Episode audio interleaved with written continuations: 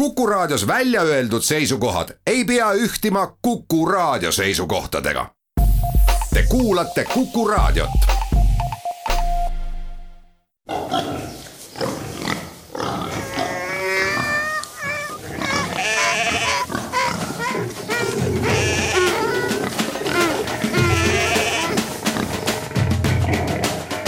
loomult loom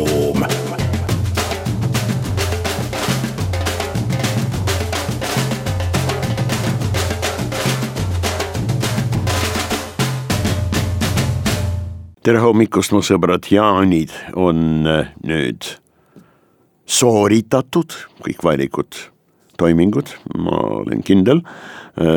Lõkke, ma väga loodan, et äh, täiesti turvalises kohas, eks ole. Äh, meil on ju väga kuiv aeg, aga noh, loomulikult mitte kõikjal ja loomulikult eh, peavad peetud, no suurepärane. Ja andke andeks, kui ma niiviisi ütlen, aga see vastab tõele, eh, arvatavasti pistesääsed ja mm, mõned teised, eh, teiste sääseliste nii-öelda sugukondade esindajaid toidetud loomulikult äh, see kõlab kuidagi inimsööjalikult, et noh, toitkem sääski, äh, sest äh, sääsevastsed on võrratult heaks ja asendamatuks paljudes kohtades toidubaasiks kalamaimudele ja loomulikult paljudele teistele loomadele ja see on tõsi. noh kuidas võtta seda äh, teemat nii objektiivselt enam-vähem ette, äh, kas äh, sääski on rohkem kui neid, kellest nad toituvad? no kahtlemata kuna jutt on verd imevatel sääskennel ja loomulikult kõik need liigid äh, Anopheles, see on siis äh, hallasääsk ja pistesääsk, kulleks ja noh, meil Aedes ehk see Egiptuse sääsk. Eriti veel ei võimutse, aga on juba leitud Soomes ja kindlasti ka meil ka neid vampiire jah, neid loomulikult on palju rohkem kui mm, peremehi, keda nad ründavad. sest nad on ju selgroogsete, kusjuures püsisoojustes selgroogsete loomade noh, parasiidid. ja meie oleme võrreldes sääskedega loomulikult palju-palju-palju suuremad no ikkagi sadu tuhandeid kordi, kui mitte miljoneid kordi suuremad, kaalu poolest näiteks. ja mis on väga tähtis, meil on sääskedega ikkagi erinev ähm, ütleme nii, äh, konkurentsi evolutsiooniliselt välja kujunenud konkurentsi vorm.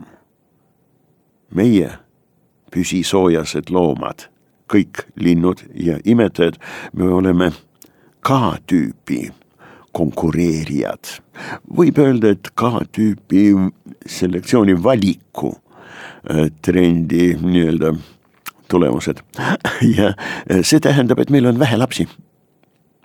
Äh, noh, vähe, mis mitte selles mõttes, et naabril on rohkem, vaid selles mõttes, et parajalt nii palju, et iga lapse eest me saame suurepäraselt hoolitseda noh, kes paremini, kes mitte nii hästi, aga igal juhul me hoolitseme oma järglaste eest ja iga järglane saab meie poolt väga põhjalikult vanemlikku hoold. sääsed kuuluvad R-tüübi selektsiooni või valiku vastavalt R-tüübi konkurentsi nii-öelda trendi liikide hulka see tähendab, nendel on murdulapsi nii palju, et äh, üksiku lapse no puhul absoluutselt võimatu on talle osutada mingisugustki kaitset või toitmist või midagi niisugust, eks ole. selliseid R-tüübi konkureerijaid või R-tüübi selektsiooni näiteid on ka selgroogsete loomade seas, kuid mitte püsisoojaste, alamate selgroogsed, no näiteks luukalad, tursk üle saja miljoni täiesti elusad ja terved marjatera iga kudemisperioodi äh, ajal, eks ole. nii et mida sellised vanemad peavad tegema? mingisugune lõimetishoole, eks ole, mingisugune vanemlik käitumine nendel loomulikult on. kuid see tõesti piirdub sellega, et äh, vanemad või vanem äh, otsivad välja äh, ja kasutavad keskkonnas sellist paika, kus on kõige soodsamad, vajalikud, nõutud nii-öelda liigi elunormatiivide poolest ja kõige soodsamad tingimused laste arenguks. noh, näiteks, no, no see kõige vähemalt ajalooliselt kõige tuntum ja kõige klassikalisem äh, Atlandi tursa koelmud Georges Bank, jah, piki äh, Põhja-Ameerika, Kanada ja USA äh, siis idarannikud. Kuid jah, sääskedel loomulikult on just nimelt R-tüübi konkurents, nende paljunemine on väga hästi defineeritav, kirjeldatav sellise mõistega nagu gonadotroopne harmoonia. Gonadotroopne, gonadotroofne, jah, sõnast toitma jah. suguelund toitev harmooniline selline süsteem Äh, sama süsteem on puukidel ja väga paljudel teistel äh, erilistel loomulikult parasiitidel, kes vajavad mm, püsisoojuse looma verd, võib-olla no puukide seas ja rääkimata juba lestadest, parasiitsetest, puukide seas on liike, kes tõepoolest spetsialiseeruvad roomajate peal. jah troopikas peamiselt, aga loomulikult ka meil. Ophionüchus näiteks on selline lest ja tema liiginimetus on Ophionüchus, natriitsi ja natriks on äh, nästik. kuid loomulikult ründab ka teisi, kasutab ka teisi äh, roomajaid, soomuselisi nii et maod kõigepealt, aga loomulikult ka sisalikud, ka nendel on gonadotroofne harmoonia, mis asi see on, peale väikest vaheaega, jah, peale väikest pausi. loomult loom.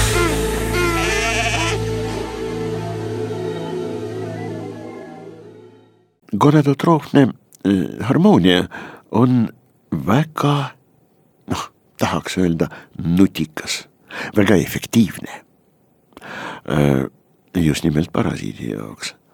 Äh, väga efektiivne paljunemise reproduktiivse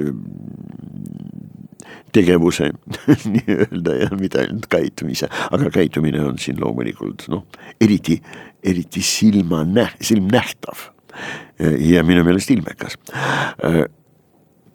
tõesti väga edukas, efektiivne vorm, nimelt portsjonide kaupa valmivad munad viljastatud emase kehas ja iga kindla munade portsjoni biosünteesi loomise jaoks ema organismis.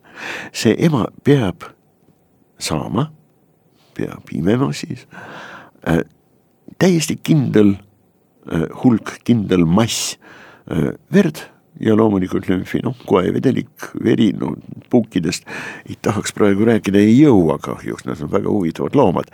aga puugid loomulikult tekitavad sellise äh, nagu kotikese peremehe sees äh,, süstivad sinna äh, ained, mis äh, vedeldavad verd, seda teevad ka sääsed loomulikult äh, ja võimsaid äh, aglutinatsiooni ühendeid ja vahendeid süstivad sisse, muidu veri hüübub.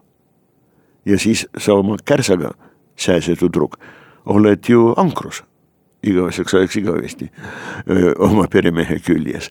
nii et aglutinandid ja loomulikult mõned ensüümid, liseerivad ensüümid, mis hakkavad lagundama valke vere, koevedeliku ja võib-olla ka mõnede konstruktiivsete keharakkude kehi hakkavad lagundama ja vot seda puljongit, mis seal tekib kärsa all, perimehes, väikses kohas, imeb puuk, ah lubasin ju puukidest mitte rääkida, aga jah, parku sääsed.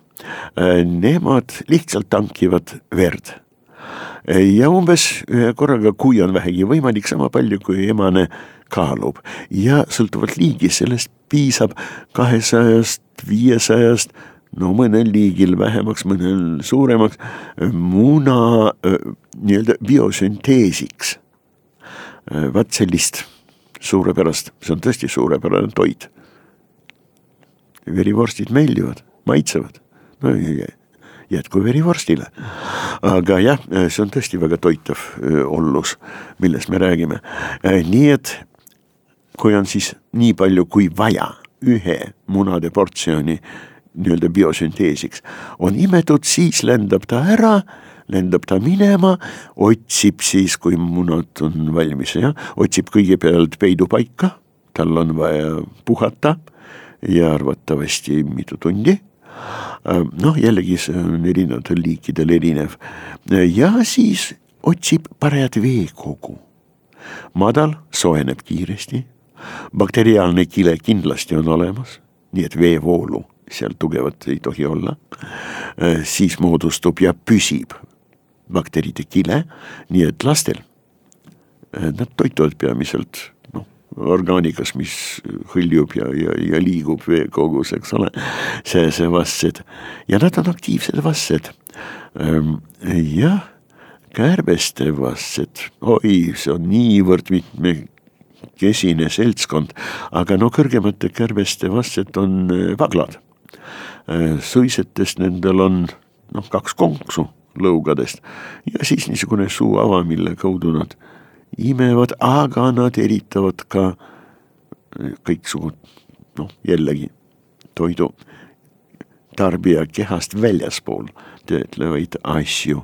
Ja nendel kõrgematel kärbestel, aga mitte ainult, on ka see vastsetel võime, nad võtavad toitu, saavad toitu oma organismi viia läbi kogu keha, see on parasiitidele paljudele omane, aga no et putukatel on see võime, noh jah, kolmkümmend kolm, kui ma õigesti mäletan, seltsi on putukate klassis. Ja ähm, kõige kõrgemad on äh, loomulikult kirbud, kirbulised kuid see on kolmekümne kolmas nii-öelda tippude tipp, aga vahetult selle juures on kolmekümne teine selts ja need on kahetiivalised. oi kui huvitavad loomad nad on, aga issand jumal, ma ju lubasin Paracelsiusest rääkida hoopis, aga vaata vot sellised võimsad muljed mul on jaanipäevast ja jaaniööst, et noh, mätte ei saa, rääkimata jätta sääskedest. nii et paraku, kui on munad munetud, vot siis see emane loom, ta tahab, tal on vaja järgmist vereportsjoni. nii et mõni liig saab mõne tunniga hakkama veri imetud, neli tundi, kuskil munetud õigesse kohta ja ta otsib võimalust jälle tankida natukene seda suurepärast ained, verd, püsisoojase verd, et luua järgmised seal paar-kolmsada muna. aga tõepoolest, see teema on suur, väga huvitav ja väga tähtis. nii et ma usun, et praegu ähm, me enam kahetiivaliste äh, maailmas liikuma ei hakka, vaid äh, lähme tõepoolest Paracelsiuse juurde, kuid väikese ikkagi, väikese nii-öelda kõrvalhüppega teemasse, mis on praegu väga aktuaalne. see teema on väga noored linnupojad, see on tõesti tähtis teema. ühe minu heal sõbral nüüd mõni päev enne või nädal aega enne jaanit ilmus päris suur ja kopsakas, aga puku ja rinna peal kõikjal udusuled, varesepoeg. mida tegi minu sõber, ta pani selle linnukese kuuse otsa, sellel kuusel varemgi on olnud linnupesad ja ei hakanud teda toitma. oletas täiesti adekvaatselt, täiesti õigesti, et ema, isa või mõlemad kahtlemata ei ole kaugel. Lindudel on hiilgav nägemine nii detailide osas kui ka kauguse äh, ja, ja, ja liikuvate asjade nägemise võime on nendel hiilgav. nii et küll see vanem või vanemad tulevad. peaasi, et kassid seda linnupoja käest kätte ei saaks või miks mitte rotid. sellised äh, noh, väga varajased pesahülgajad tihtipeale ei oska karta. Ehm, jah, ei kassi ega rotti. Nendel on kindel imprinting, kindel vermimine suure tegusa olendi peale. noh, ema peale, isa peale, okei okay., aga kui kõht on tühi, ima, isa, ema, no näiteks päeva jooksul ei ilmu siis selline pojakene enam-vähem no reeglina sama suure looma või suurema looma poole pöördub nõudmisega, jah. anna süüa, nokk pärani lahti ja siis vastavad hääled tulevad sealt nokast, jah.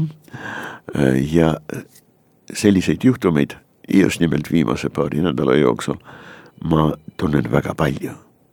no näiteks minu teise sõbra äh, aeda Läänemaal ilmusid kaks rasvatihase poega, kelle sabad olid umbes kahe sentimeetri pikad, väga noored.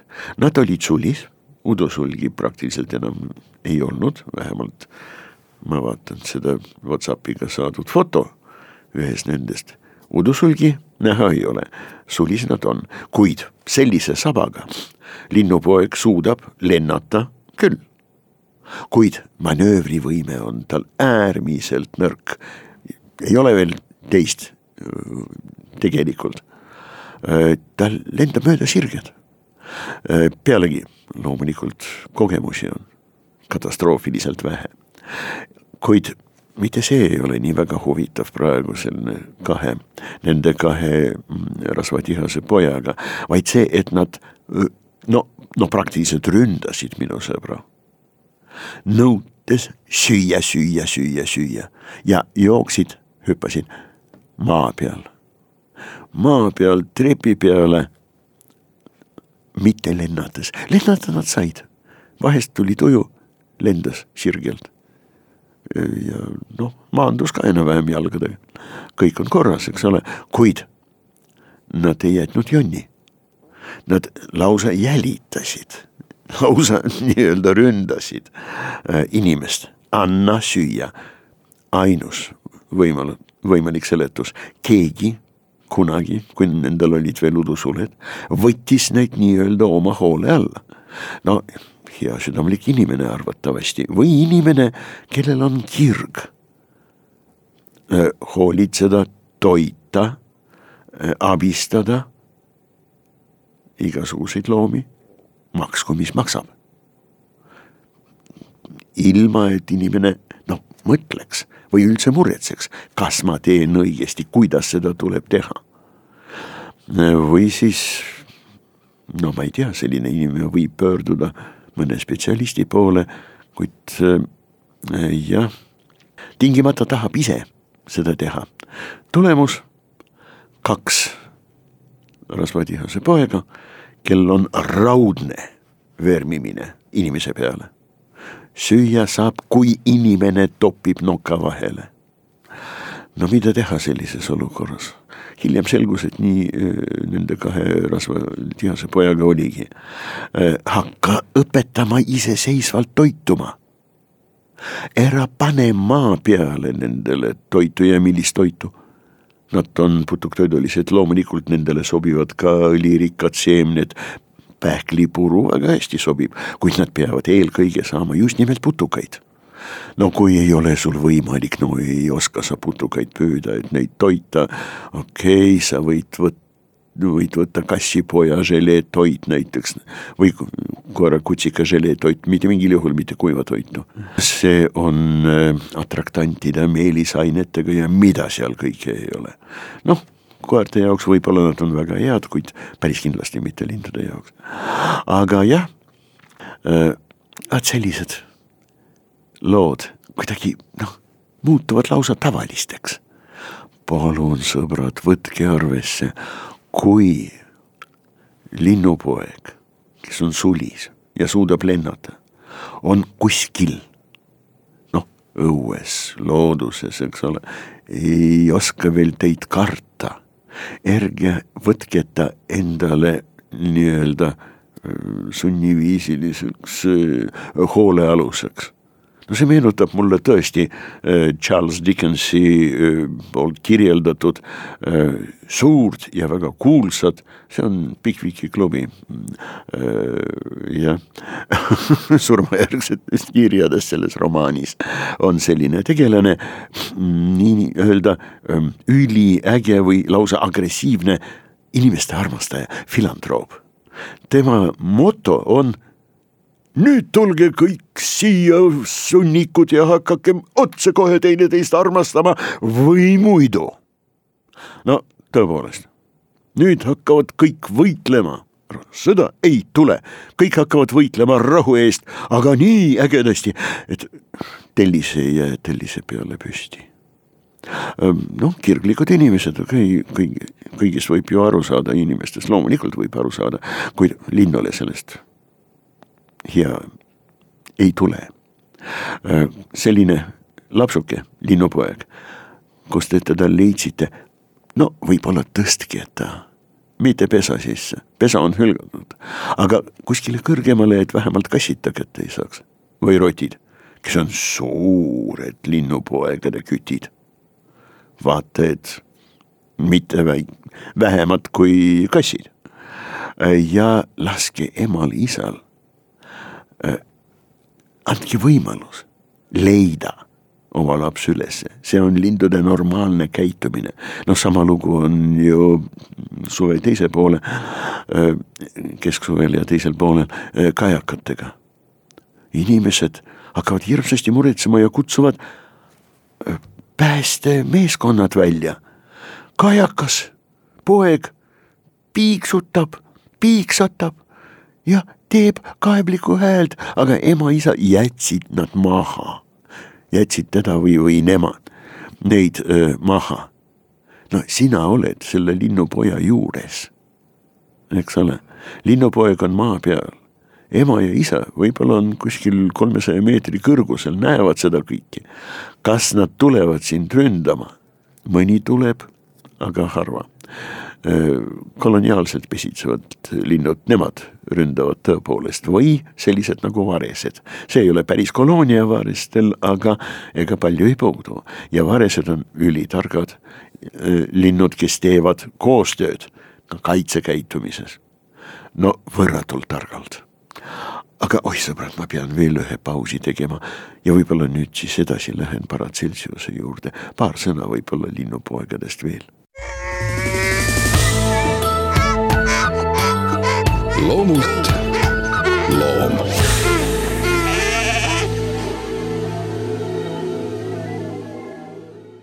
niisiis, linnupoeg kutsub vanemaid, täiesti võimalik, et vanemad suurepäraselt näevad, kuulavad, saavad ka aru olukorrast, aga ei julge tulla selle oma lapse juurde, eks ole, sest te olete selle juures, te olete väga hirmuäratav. Mu kallis sõber inimene, aga jah, paraku ma mäletan, kui me olime Kadriorus veel noh, seitsmekümnendatel aastatel Tallinna loomaaiaga, siis loomaaeda toodi no vahest kaks, vahest üks, kolm metskitsapoegi. seletus praktiliselt alati oli üks ja seesama. ema jättis ta maha. Miks te nii arvate? me ootasime kolm tundi. vot selle pojakese juures ja ema ei tulnud. ema oli võib-olla paarikümne meetri kaugusel võsast kirus teid maapõhja, minge ära. nojah, teie, head inimesed, tegite siis, no tõepoolest, no kas see on üllas tegu? no inimese meelest küll pealegi inimene, noh tõepoolest, kaastundlik, empaatiline öö, olend, no tõesti muretseb. see kõik on täiesti arusaadav, aga natukene teadlikumalt tuleb suhtuda nendesse asjadesse. kui selline poeg on tõepoolest paar päeva jookseb teile järele, eks ole, no arvatavasti tõesti vanemaid, kas ei ole, või nad ei otsi teda enam noh, nii nagu minu sõbral seal Läänemaal nende kahe rasvatihase pojaga oli. Lapsed olid võetud hoole alla, siis inimene otsustas või keegi andis talle sellise informatsiooni, edastas, et jaa, noh, nüüd udusulgi enam ei ole, nüüd nad saavad ise hakkama. Nad suurepäraselt saavad hakkama roti laua peale jõudmisega. aga jah, paraku siis ei ole tõesti muud teha, kui õpetada maa peal mitte oodata, et keegi suur inimene või kass või kes see ka ei oleks, äh, sulle lähemale tuleb. nii et kui nad on sellised pojad maa peal ja lunivad teil süüa, neid tuleb ajada lendu. ja resoluutselt me oleme ohtlikud linnukestele, linnuke peab sellest aru saama Äh, ta peab õppima pelgama inimesi. Ei noh, üks suuremaid väljakutseid Euroopa naaritsa liigi äh, nii-öelda taastamise suures programmis, mida äh, viib läbi Tiit Maran oma kolleegidega Tallinna loomaaia baasil jah, juba aastakümneid, on õpetada nendele loomadele jah, inimest pelgama see on väga keeruline. Aga see on absoluutselt vajalik. Äh, muidu nad looduses mitte kuidagi oma eluga hakkama ei saa. oi, jah, mu sõbrad, äh, lähme nüüd tõesti Paracelsusega edasi, veel üks võib-olla noh, väike kui lubate, äh, vihje vot nende linnupojakest, kui te hoolitsete siiski nende eest mingil määral. Äh, ärge pange nendele toitu ühte kohta, äh, ärge toppige noka vahele, kui nad on juba täiesti sulis, vaid õpetage iseseisvalt otsima ja püüdma, pange erinevatesse kohtadesse no kasvõi teie poolt püütud kärbsed, eks ole, rohutirtsud. Või no miks mitte tõesti mingisuguse tehistoidu, aga želee, mitte kuiva. Äh, raasukesed äh, okste peale, kõrgemale, madalamale, nii et nad hakkaksid neid ise otsima. Ja noh, tuletage meelde, kuidas õpetatakse näiteks äh, kanapoegi nokkima, no kõik linnud seda teevad, jah, toks-toks. Nokaga teeb suur lind, nii et pisike seda näeb ja imiteerib. kõigepealt lihtsalt toksib, siis hakkab aru saama, küll see vahe, jah, nokka vahele jõuab ka, aga äh, ja nüüd tõesti aitab sellest. oi, ma näen, et aeg ju jookseb ja alkeemia ja Paracelsiuse äh, jaoks mul täna jääb väga vähe aega. jah, paraku no mõned väga aktuaalsed, eks ole, küsimused. Äh, no neid tuleb ikkagi noh, prioriteete tuleb jälgida, tuleb kõigepealt siiski ette võtta, eks ole. Paracelsius von Hogenheim, meditsiinilise keemia isa. mida ma tahtsin temast rääkida, jutt ju oli müütidest ja sellest, kuidas müüdid arenevad.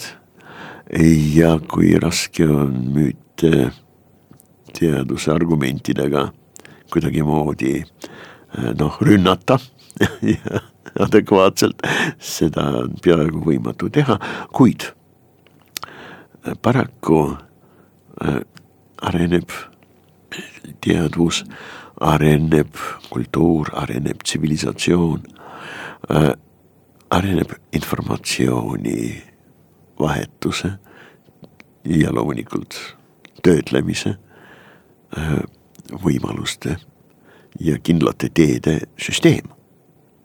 rahvad suhtlevad aina kaugemate maaderahvastega. rahvad kasvavad, kogemusi tuleb ja vana müüt, see tõeline ju, lugu nii-öelda, mille järgi elati, nüüd hakkab lonkama. Ta on vana. ta on nüüd põdur. temast kui asjade seletajast jääb väheseks. seda tuleb täiendada ja siis inimesed hakkavad ometi vaatama, kuidas aga need lood, mida seletab müüt, kuidas nad, kui natukene põhjalikumalt või ulatuslikumalt vaadata, eks ole. Kuidas nad välja näevad, mis seal toimub?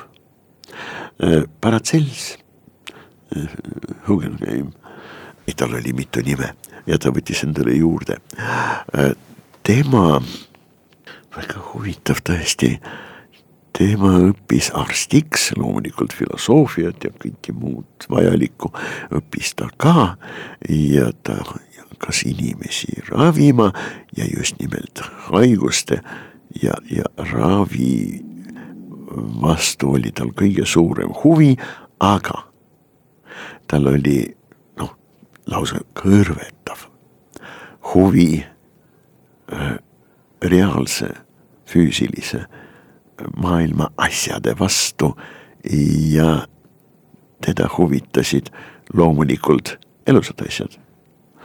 ja muidugi ta oli Galenuse töödega, noh, kes see Galenus oli, Marcus Aureliuse keisri uue arst, eks ole, väga tark arst, suurepärane arst, aga aasta umbes sada seitsekümmend kaks kolm. Äh, meie ajaarvestuse äh, järgi. Äh, nii et Galenuses igal juhul Georg Aureolile, Hugenheimile jäi väheks. ja ta hakkas uurima alkeemikute no teisi keemikuid sõna otseses mõttes ju praktiliselt tol ajal ei olnud, alkeemikute tööd. ja sattus vaimustusse sellest, kuidas ained muutuvad teistsugusteks, kui neid õigesti töödelda. alkeemia tegeles loomulikult nii orgaaniliste ainetega, noh seitsmeteistkümnendal sajandil üks äh, kaupmees, Brand äh, ta oli kaupmees ja rikas ja edukas kaupmees, aga ta hakkas, ta, tundis väga suurt huvi alkeemia vastu ja tema hakkas uurima äh, uriini omadusi. Ja äh, ta avastaski fosforid ja sellest on juba juba seitsmeteistkümnenda sajandi lõpul, aga kaheksateistkümnendal sajandil päris palju kirjutatud ja noh, muidugi kõigepealt, kõigepealt äh, ajas kogu veeauru uriinist välja ja aurutas ära äh,. Kuiv. Ollus aga pani äh, Atanari, ma usun jah, või retorti sisse. Ja hakkas jällegi kuumutama ja kuumutas, kuumutas seni, kuni tõesti jäi puhas fosfor, mitte palju, aga fosfor. kuid jah, Van Hogenheim loomulikult tundis ka huvi, no kuidas siis teisiti, orgaaniliste ainete vastu, no ütleme seda nii enam-vähem kaasaegses terminoloogias, aga ta tundis eriti suurt huvi anorgaaniliste ainete vastu, nii nagu alkeemias. see oli noh, paikapanevalt kombeks nii öelda, ega ma teisiti ei oska seda sõnastada. väävel, elav hõbe, raud, vask, no ja muidugi hõbe ja kuld, ka tina ja väga paljud teised ained, kuid need mainitud vast olid alkeemikute jaoks eriti tähtsad. noh, mõiste element kaasaegses tähenduses. Tol ajal ei eksisteerinud, see oli veel arenemas, see mõiste. aga just nimelt ained, väävel ja siis äh, loomulikult äh, raud, muidugi vask ja nende ühendid Äh, ammu oli teada, enne Paracelsiust, et kui sa puhastad kenasti raudnael roostes ja paned selle vasevitriooni, mis on sinist värvi, eks ole, lahusesse, see muutub milliseks, kuldseks või? see kattub vase, metallilise vasekihiga, sest raud on aktiivsem, keemiliselt aktiivsem, eks ole, kui vask. ta tõrjub vaseaatomid, äh, kubrum SO4, jah, see on vasevitrioon, ehk siis vasesulfaat.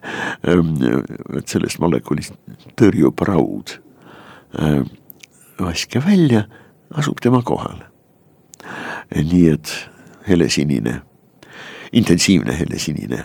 Lahus muutub kergelt rohekas kollaseks. raudnael aga hakkab helkima kullasäraga, vasekiht meenutab ju tõesti kulda. mida tegi Paracelsius, tark mees, ta hakkas sellega investoreid öö, otsima ja kaasama, innustama ta näitas vürstidele, graafidele, potentaatidele, võimukandjatele, tähtsatele meestele, no jumala eest, ikkagi seitsmeteistkümnenda sajandi algus, eks ole, kuueteistkümnenda sajandi lõpp. kõik on vürstide ja, ja, ja teiste selliste tegelaste käes. ta näitas nendele, kuidas ta saab tänu oma teadmistele ja võtetele rauas teha, ta ei väitnud, et kulda iga juveliir kohe tol ajal juba oskas kindlalt tõestada, see pole mingi kuld, ei, ma suudan muuta metalle raudvaseks. toeta fondidega minu uuringuid ja küll ma jõuan nii kaugele, et saan muuta metallid kullaks. sellega me täna lõpetame, mu sõbrad, ärge kodus sellega liiga palju katsetage. kodustes tingimustes tavaliselt ei õnnestu rauast teha kulda. noh, selleks peab olema firma. noh, müüte rauda näiteks, saate kulda, aga see selleks. olge terved, ettevaatlikud ja nende linnupoegadega ja teiste vabalt elavate loomadega. ärge pressige ennast nende peale, nende elu on niigi keeruline. ja kui me seome nendele heast soovist neid aidata tegelikult ökoloogilisi lõkse, siis midagi head selles ei ole. aga muidugi see on väga mõnus, ma saan aru jah, okei okay., olge rõõmsad ja terved ja kohtumiseni